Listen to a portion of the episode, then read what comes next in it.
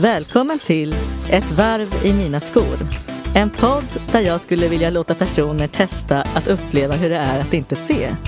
Vad händer när vi förlorar synen som utgör 80 procent av våra sinnen? Jag heter Vispen, är intresserad av musik, mat och att möta andra människor. Jag är blind sedan födseln samt har autism.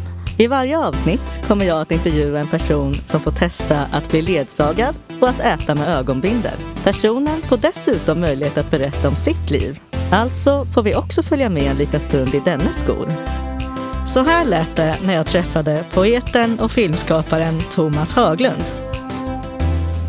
Hej och välkommen till avsnitt 15 av Ett varv i mina skor. Idag så kommer jag intervjua Thomas Haglund som ni kanske i alla fall känner igen namnet på, ni som har lyssnat på min podd tidigare här. Hej och välkommen hit! Tack så mycket! Och anledningen till att man kanske känner igen dig, det är för att du faktiskt har hjälpt mig att dels starta upp den här podden och också att spela in. Du har hjälpt till att faktiskt sköta ljud. Ja, men precis. Tekniken. Varit med liksom från början på något vis. Med eh, lite producentroll i, i podden och jag tänker vi, vi spånade ju ihop det lite från första början också. Ja, precis. Ehm, så, och på vägen hit så funderar jag på det här med Bokmässan 22 tror jag det var. Ja, det var. Om det kan ha varit då som, som den här idén började. Det kan Ta nog fart. mycket väl ha varit. Det tog ju tid och lite tid innan vi hade kommit på någonting som vi skulle testa. Men sen så testade vi det här med ögonbindel och det här just för att jag vill ge själva poddgästen en upplevelse också. Och inte bara att den ska få vara med om en vanlig intervju.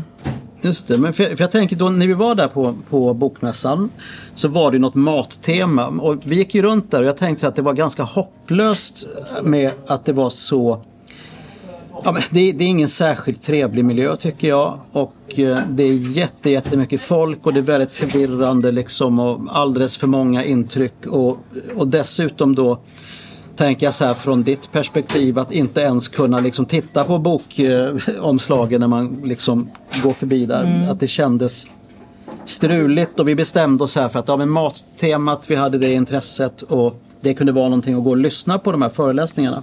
Och det var väl Alexandra Sassi tror jag.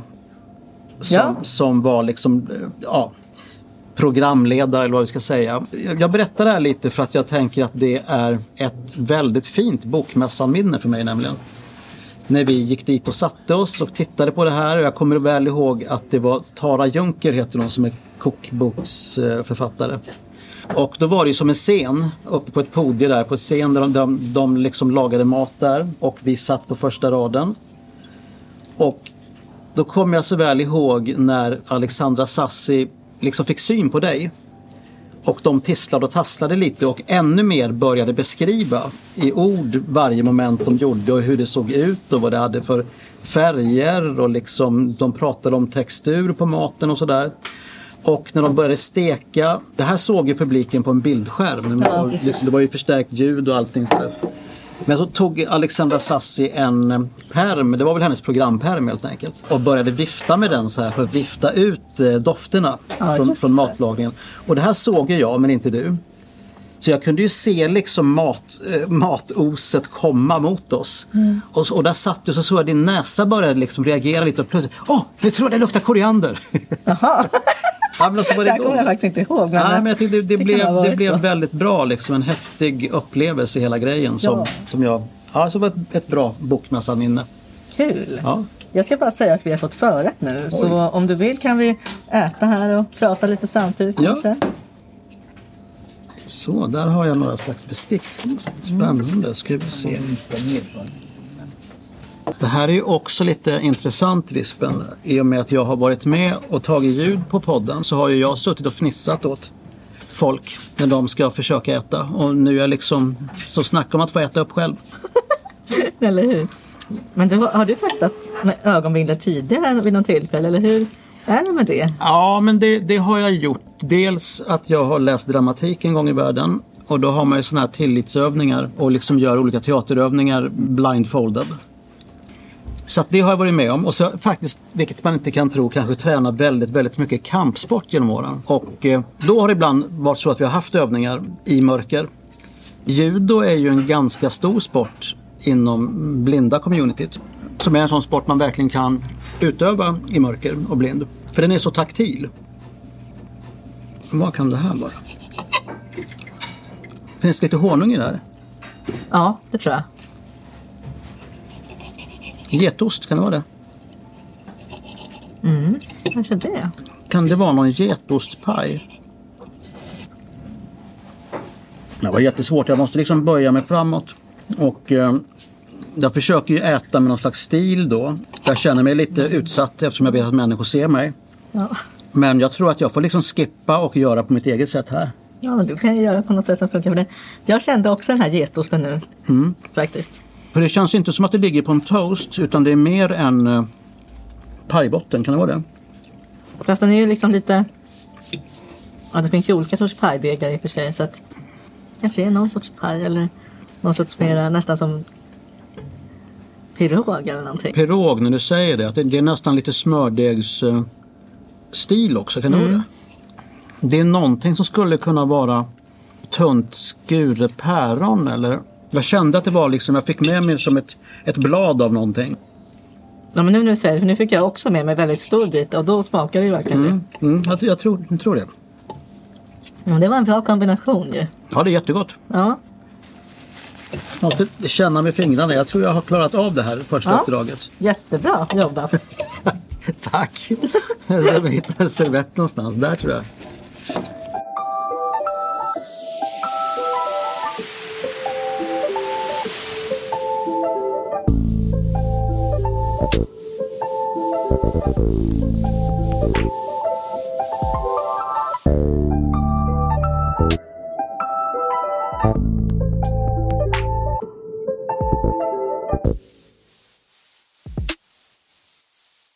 Du skriver en hel del böcker och håller också på att skapa dokumentärfilmer och sådär. Det har hänt så mycket nu de senaste åren efter ganska lång period då det har varit lite, lite lägre tempo i alla fall.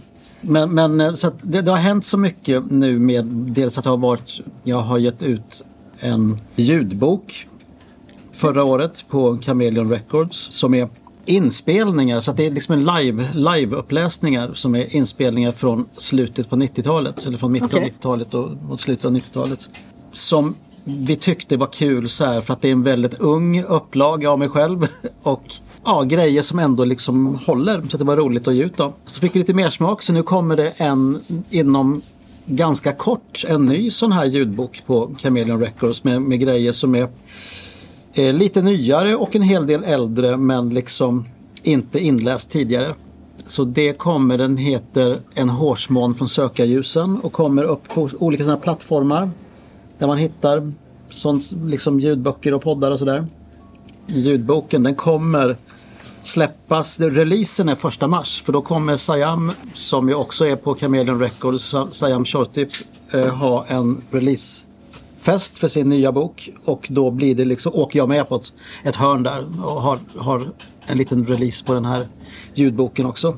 Ja, men vad roligt. Ja, Nej, men för det, var lite, det var lite speciellt så här. Eh, Det var frågan om vi skulle spela om allting för att av någon otroligt konstig anledning kan jag tycka så var vi någonstans utanpå landet utanför Lysekil och spelade in i en liten studio som liksom ligger inne i en förskola. Det är ju jättekonstigt ställe att lägga en studio på. Så det var ju i princip omöjligt att det inte hördes barn som spikade i väggarna och sprang runt i bakgrunden och sådär. Och det här hörs ju naturligtvis då lite på i ljudspåren ibland. Men så tyckte jag att det var jättefint. Att liksom livet får vara med. Det finns en fin inramning. Dikterna handlar ofta om barndom och liksom om ja, ett barns blick på världen på något sätt och sådär. Och Då tyckte jag det var jättefint. Och så är det ju ingen som vet då att vi är på en Ja, nu vet man det när jag sitter och säger det. Men, men det skulle kunna vara liksom vara mina barn eller ja. Jag tyckte det var bra. Barnen, är, barnen finns. De hörs. Precis. Den här senaste boken som du har släppt via Chameleon Records, vad heter den? Det sorgsna slagfältet heter den.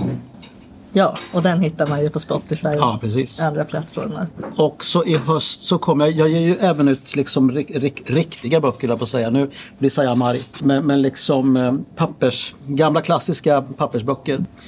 Det kommer i höst, så, eller någon gång efter sommaren och hösten till, så kommer det en, eh, en ny bok som heter Dionysos beväpnad. Som är en, en diktsamling som kommer ut på Vildhallon förlag. Just det, för jag vet ju också att du har gjort en hel del pappersböcker. För det var vi ju också på bokmässan där. Då såg vi faktiskt dina böcker där. Ja, Som Vildhallon sålde. ja just det. Eh, jag- Jag har gett ut en bok tidigare på Vildhallon och det är Tillvarons smutsiga poesi heter den. Just det, det är den vi ska få höra ett par dikter ifrån här. Ja, ja precis.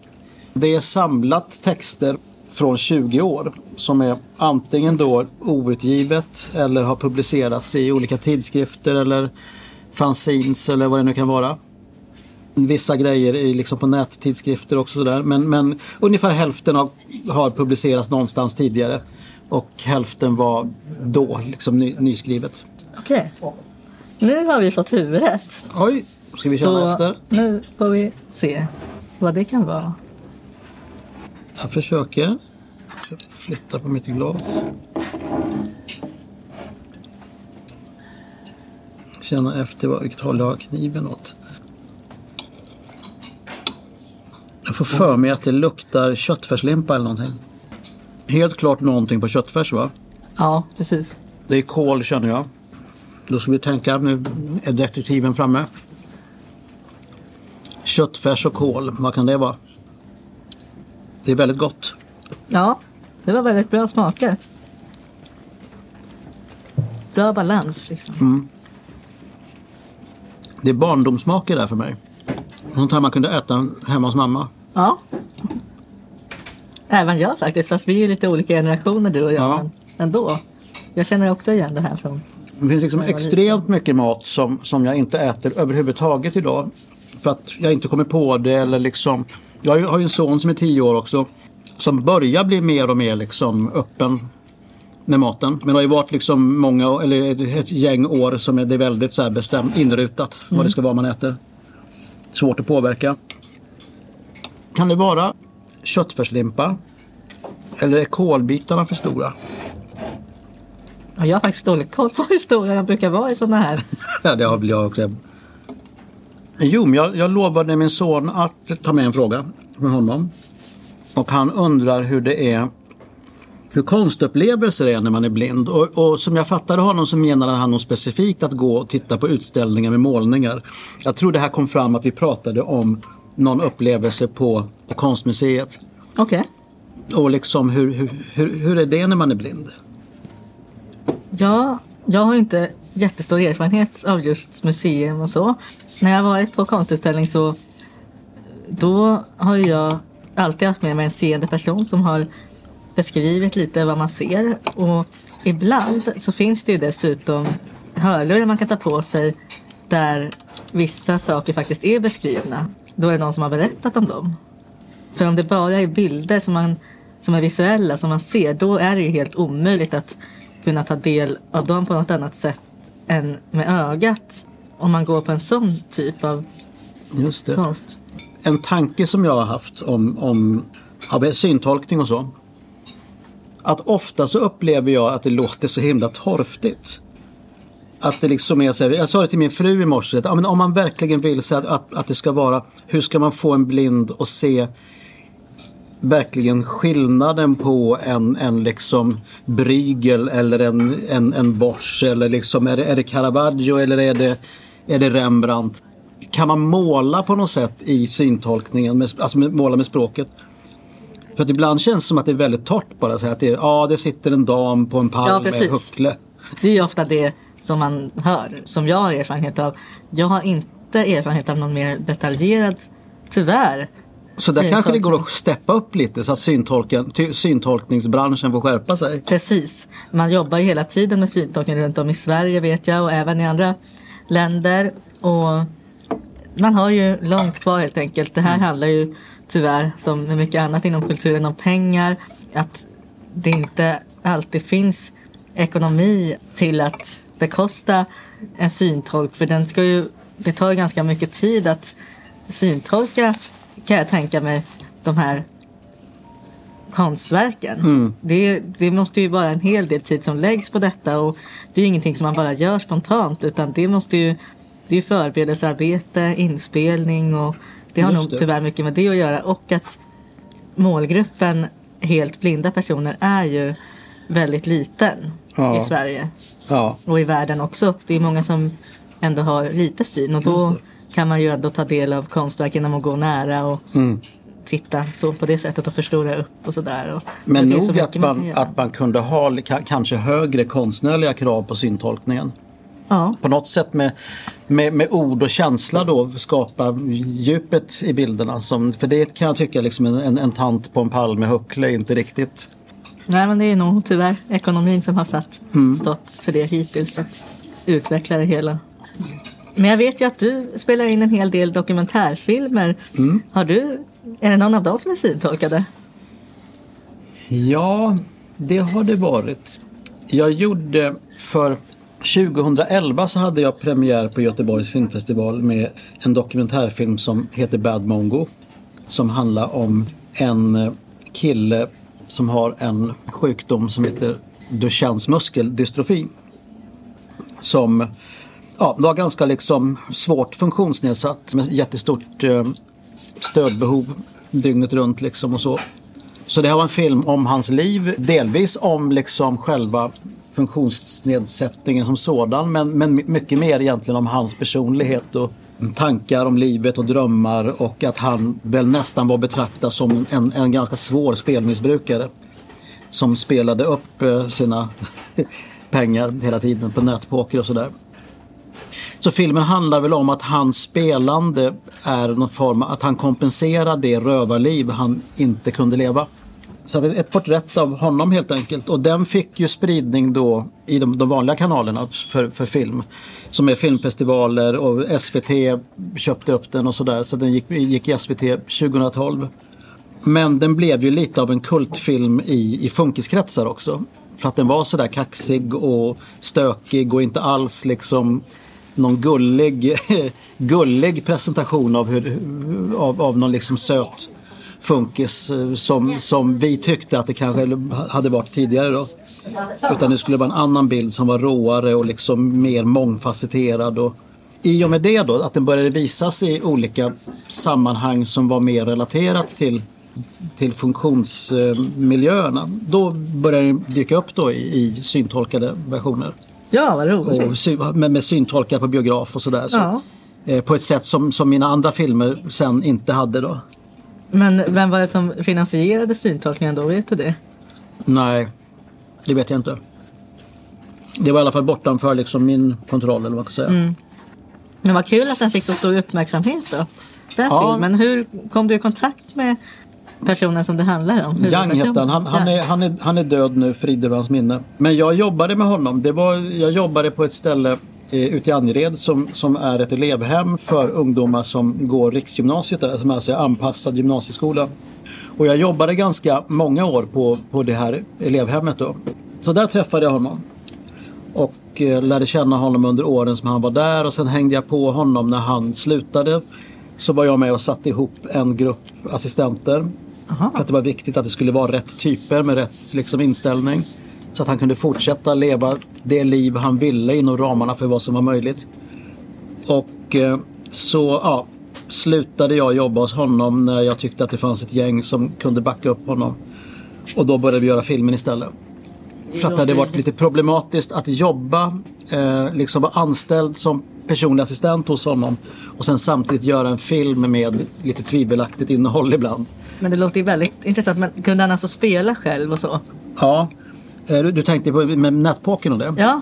Ja, precis. Han, han hade liksom en, en, en viss rörelse, f- förmåga att röra händerna och sådär. Så att han, då sitter han ju med, med sin lilla superkänsliga datormus och spelade nätpoker. Och så hjälpte vi honom i filmen också att spela liksom riktig illegal poker på, med skummisar alltså. Oj, vad Som, som är, det var ju häftigt så att han skulle få känna på den riktiga feelingen. Men han förlorade ju där också tyvärr. Han förlorade även på datorn eller? Jajamän. Var det aldrig att han vann? Jo då, men, men som det är med, med de som spelar mycket så det, det, kan, ju- det kan ju komma in liksom 100 000 ena dagen och sen är det borta Oj. två dagar senare. Han spelade för så stora belopp Ja alltså. visst, han, han spelar bort pengarna. Och det pratas om det i filmen också, att det, att det är det han kan göra. Han kan inte vara ute liksom kanske och härja och stöka på stan. Som man skulle vilja göra. Utan att vara, leva lite on the edge och testa gränserna. Det kunde han göra med sin nätpoker och det, det är lite det filmen handlar om. Att, Ja. ja, men det förstår jag verkligen. Själva känslan. Mm. Jag kan ju verkligen sätta mig in i den här känslan av att känna sig instängd och att Ja. faktiskt inte kunna leva det liv som man egentligen skulle vilja. Och det i sig är ju verkligen en viktig fråga Ja. för personer med funktionsnedsättning att eh, man ska få bättre förutsättningar. Men det Mm. är också tyvärr ekonomin som sätter gränserna ja. och inte vi. Så vi filmar ju honom då i, i den här, när man tittar på filmen så ser man att det är väldigt mycket extrema närbilder. Och det är ju att skapa den här känslan av att han är ju så van vid det. Men min känsla var väl att det var någonting väldigt klaustrofobiskt. Att behöva ha personal så oerhört nära sig hela tiden. Ja. Som är framme och grejar och pysslar med hans andningsmask. Och, och liksom att, att behöva hjälp med precis allt då, mer eller mindre. Dygnets alla timmar och, och aldrig, att aldrig få vara i fred egentligen. Och då kanske han behövde det här spänningen och dramatiken. Så jag, jag kanske inte tycker att poker är så spännande och dramatiskt men, men är man insatt i det så är det väl det. Och lite farligt och att få göra fel. Liksom. Att få dra in stora summor pengar och så bara spela bort dem hänsynslöst. Ja. ja, jag har ju en kompis som spelar lite grann och jag älskar ju att sitta och titta när han spelar. Okej. Ibland så hinner han ju prata och förklara vilka händer som kommer upp och jag tycker att det är jättespännande. Verkligen att hänga med i det. Och framförallt när det handlar om pengar att det blir ytterligare ett moment. Mm. Ja absolut och, och den, för den grejen förstår jag verkligen även om jag spelar inte och liksom är inte intresserad av det och ser inte, det är inte min grej. Men att jag är väldigt intresserad av att testa gränser av action, dramatik, Ja. att liksom utsätta sig, dra saker så långt man kan och att det finns en skönhet i att att dra saker för långt och sätta fällben på sig själv på något sätt i, i, i någon slags aggressiv känsla av att man verkligen drar livet så långt man kan. I det här fallet så var det väl det som funkade för honom eftersom han inte var förmögen egentligen att göra någonting annat med, med sin begränsade kropp. Precis. Alltså, Men, men, men li, liv- livet måste ju stå och dallra ute på knivspetsen ibland. Det Att gör det, liksom är, absolut. ja.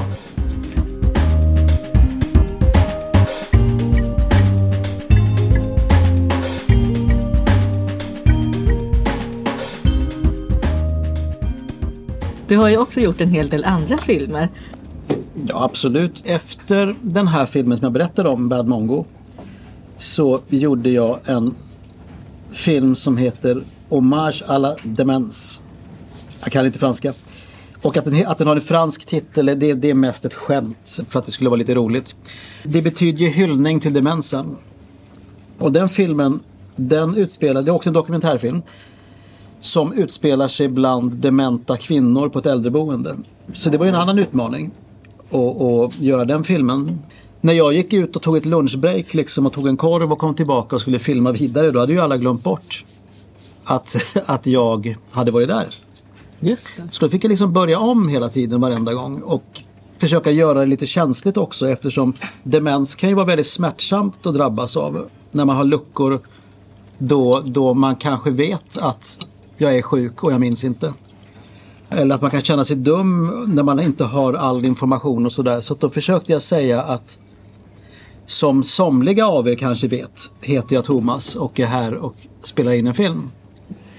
Så då kunde i alla fall folk få chansen att tänka att jaha, nej, det har inte jag hört något om i alla fall. Det var en speciell film som handlar om, om de här damerna på äldreboendet och hur det är att falla in i glömskan liksom. Men det är skildrat mer med, med humor och, och charm.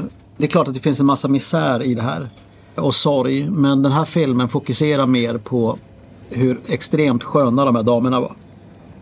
Så det är en slags feelgood feel film i demensmiljö. Vi fick ju kolla med alla anhöriga. Det var en anhörig som inte ville att dennes förälder skulle vara med i filmen. Då såg vi till att inte filma den personen helt enkelt. Men jag hade lyckats i alla fall att skriva liksom en, en, en projektbeskrivning. Vad, vad jag ville med filmen som alla anhöriga tyckte var fint. Att det skulle vara det här, lyfta fram damerna och deras personligheter och visa att personen är inte utraderad. Bara för att den lever i, i demensen. Det är en kul film. Jäkligt härliga damer som är underfundiga liksom och, och roliga och har massor av kul grejer att säga. Och sen helt klart i fel ordning och det börjar om och det är bakvänt. Och, precis som deras tillvaro har ingen riktning. Nej. Utan den är väldigt förvirrande och det är filmen också. Och det är kanske den, jag, jag är väldigt stolt över den filmen och tycker att det är en av, av de bästa jag har gjort. Den är, är ju väldigt lågbudget och blev inte så speciellt spridd heller. Det är väl kanske att ämnet, det är inte många som tycker att det är så intressant med människor på ett äldreboende, tyvärr. De borde tycka det. Ja, verkligen. Var kan man se de här filmerna någonstans då? Bad Mongo den finns faktiskt på Youtube. Så det är bara att söka på det och då kan det vara två saker. Antingen så är det min film eller också så är det en låt av bandet Turbonegro som Okej. titeln är tagen ifrån. Sen tror jag de andra av mina filmer som har legat uppe, de gör inte det nu. För att vi håller på med någon slags långsiktig omstrukturering om var filmerna ska vara och hur de ska vara tillgängliga. Och jag tänker att jag håller på att jobba med en långfilm om punkbandet Anticimex. Och jag tänker när den filmen är färdig och vi har haft premiär på den och liksom fått någon fungerande distribution. Då ska mina tidigare kortfilmer finnas tillgängliga också. Du sa att de andra filmerna var kortfilmer. Hur långa är de ungefär? Ja, de, de, är, de är 30 minuter. Okej. Som ett värdelöst format har det visat sig. Det är för kort för att vara en egen aftonvisning. Och det är för, för långt för att vara förefilm. Utan då ska ju filmerna gärna vara fem minuter eller något sånt där. Just det. Men, men, men jag tycker det är ett tacksamt format för att det är, det är hanterbart kort och du hinner säga ganska mycket. De flesta filmerna har ju tagit lång tid att göra så att det är ju inte liksom 30 minuter film som, som görs på, på en månad utan det kan ju vara flera år. Och det blir ju en speciell effekt av det också när du kan se människor i filmen åldras på 30 minuter. Just Det är häftigt. Det hinner bli sommar och det hinner bli, bli jul och det hinner bli sommar igen och jul igen. Och, ja, det, det är någonting med det som är coolt. Att använda tiden som en, en dramatisk eh, infiltratör, eller vad säga. Det är mycket det som är med dokumentär, Mm. tänker jag. Ja. Jag kan tycka att en, en jätteviktig skillnad ibland mellan reportage och dokumentär har med tiden att göra. Ja. Att reportage, de är liksom, det är filmat eh, den här dagen och så klipps det ihop och så ja, handlar det om den här personen. För att det ska bli en film, då måste man följa med länge. Själv ska man lära känna den man filmar. Och den som blir filmad ska liksom landa i sig själv, i vem är jag i den här filmen. Det tror jag är förutsättningen för att, för att det ska bli bra. Precis. Men har du haft idéer och så har du sökt upp ungefär de som du vill filma eller har du bara slumpat sig utifrån de du har träffat? Både och. Eh, de här damerna till exempel. Jag fick ett uppdrag att göra ett reportage om någonting som heter onsdagsdansen. Det kommer kom en kvinna med dragspel och kör gamla dängor som tanterna minns då från, från sin ungdom och går igång på och, och kör igång och dansar. Och att det handlade om eh, hur, hur viktig dansen är för dem för att liksom hålla demensen stången lite grann och bli piggare och mer alerta. Och det var ett reportage som landade i mig att ja, men det här borde bli en film istället. Så det var ju inte någonting jag hade tänkt ut själv från början. Utan att jag hamnade i det. Nu vänder det Binky, nu vänder det. Binky och Hägerman satt på bänken och hatade i kapp med flaskan på väg mot tomheten, tiden knapp. De kunde känna hur stötdämpningen försvann ur kroppen, hur benpipa skavde mot benpipa. Jo, jag tackar, det är just toppen. Det gäller att hålla garden och jabba rätt när seglatsen rullar på slagen sida. Eurojackpot får polera skinnet, nu ska guldmynten rida. Plötsligt ylade Hägerman rakt ut i natten som en inte så lite besatten. Vem är det som kvalitetssäkrar kvalitetssäkrarna? Vem ska skydda oss mot jättekväkarna? Polisen kommer 42 minuter innan läkarna. Vem kan man lita på när grodorna slutar blurra och skrika på grodors vis? Well, just det kunde Binky inte riktigt svara på precis. Sitt nu inte och bli filosofisk, sa Binky och drack ur. Den här sången går inte i moll, den stämmer vi upp i dur. Jobbat och slitit har man gjort för fem och betalt fick man för en halv. Antilivet deluxe, knappast påläggskalv. Så nog sjutton kan vi gott sitta här och nöta bänk med samvetet i behåll. Den skålar vi ta med tusan på, gapar de nöjda båda två. Det var från, från min bok eh, Tillvarons smutsiga poesi eh, som kom ut för några år sedan. Som man kan, den finns fortfarande att beställa på förlaget Vildhallon om man är intresserad av det. Men nu ett ord om maten. Ja, jag är absolut. ganska säker på nu, jag har tänkt väldigt fram och tillbaka. Jag är ganska säker på att det här var kålpudding. Ja, det är klart att det var det. Måste vara. Ja, annars är det något skumt. Ja. Det jag funderar på, var det, var det pannbiff, var det köttfärslimpa och så vidare. Men, men jag är helt övertygad. Kål, kålen avslöjade. Ja. De, de, de lite längre kolbitarna. En riktig sån här barndomsklassiker. Underbart med riktig härlig, härlig eh, brunmat. jo, men det var jag sa det om, om kortfilmerna att de som ligger nere och inte finns på nätet nu. Utan jag funderar på hur de ska, hur de ska liksom presenteras i framtiden. Men då sa jag ju att när jag är färdig med, eh, med min långfilm så ska jag ta tag i det. Jag håller ju på, jag och Oskar Sjödin på marionettfilm sen några år tillbaka då med en, en film om punkbandet Anticimex.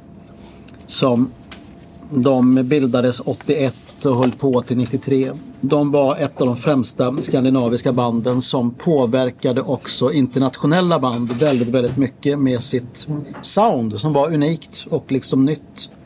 Något man inte riktigt hade hört tidigare i attityden och liksom sättet de spelade på. Och som sen ju blev, i, i liksom för att göra det, här, göra det här tillräckligt kort och sammanfattat så, så blev de blev väldigt spridda sen över hela världen och har jättemånga fans idag.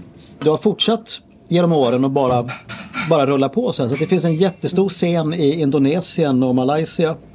Och så har vi letat upp folk då runt om i världen som vi pratar med. Så att filmen utspelar sig i sju olika länder. Det blir ju en film som handlar om väldigt mycket liksom om, om den här ungdomskulturen, om 80-90-talet, om, om, om i den meningen min egen kultur och uppväxt. Precis som det också kommer att handla om ungdomars situation i Malaysia och Indonesien. Det är ju vrålhäftigt. ja, men det låter ändå spännande. När kommer den här filmen ut ungefär? Ja, nu har jag ju varit slagit mig för bröstet och sagt att den, den ska ha premiär nästa år.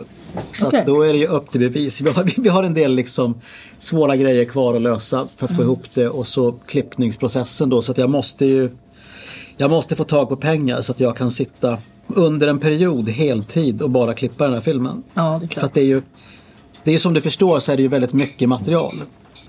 Dels då det som vi har från runt om i världen och allt gammalt arkivmaterial som vi har grävt fram och hittat liksom, vi har reparerat gamla trasiga VHS-kassetter som alltså är, typ är mosade. Som vi, så att vi har material från turnéer och sånt där som ingen har sett någonsin.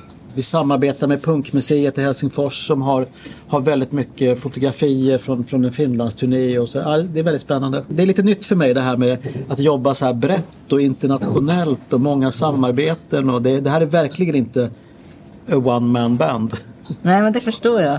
Och lycka till med att få ihop det här och hoppas att du verkligen att ni hittar någon som kan tänka sig att betala för att den här filmen ska bli färdig och sådär. Ja, jag hoppas verkligen också det för att jag är ganska övertygad om att det kommer att bli väldigt, väldigt bra och roligt och gripande liksom också att se alltså huvudpersonerna i filmen, alltså själva bandet.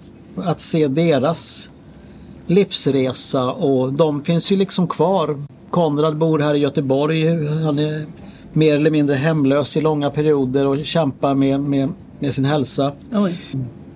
Jonsson, sångare i bandet, har ju i, i liksom hela tiden kämpat väldigt mycket med sitt missbruk. De kämpar ju på i kölvattnen av sin, sin musik liksom. Precis. Ska vi prova efterrätten? Ja, ska vi göra det? Den kom ju här.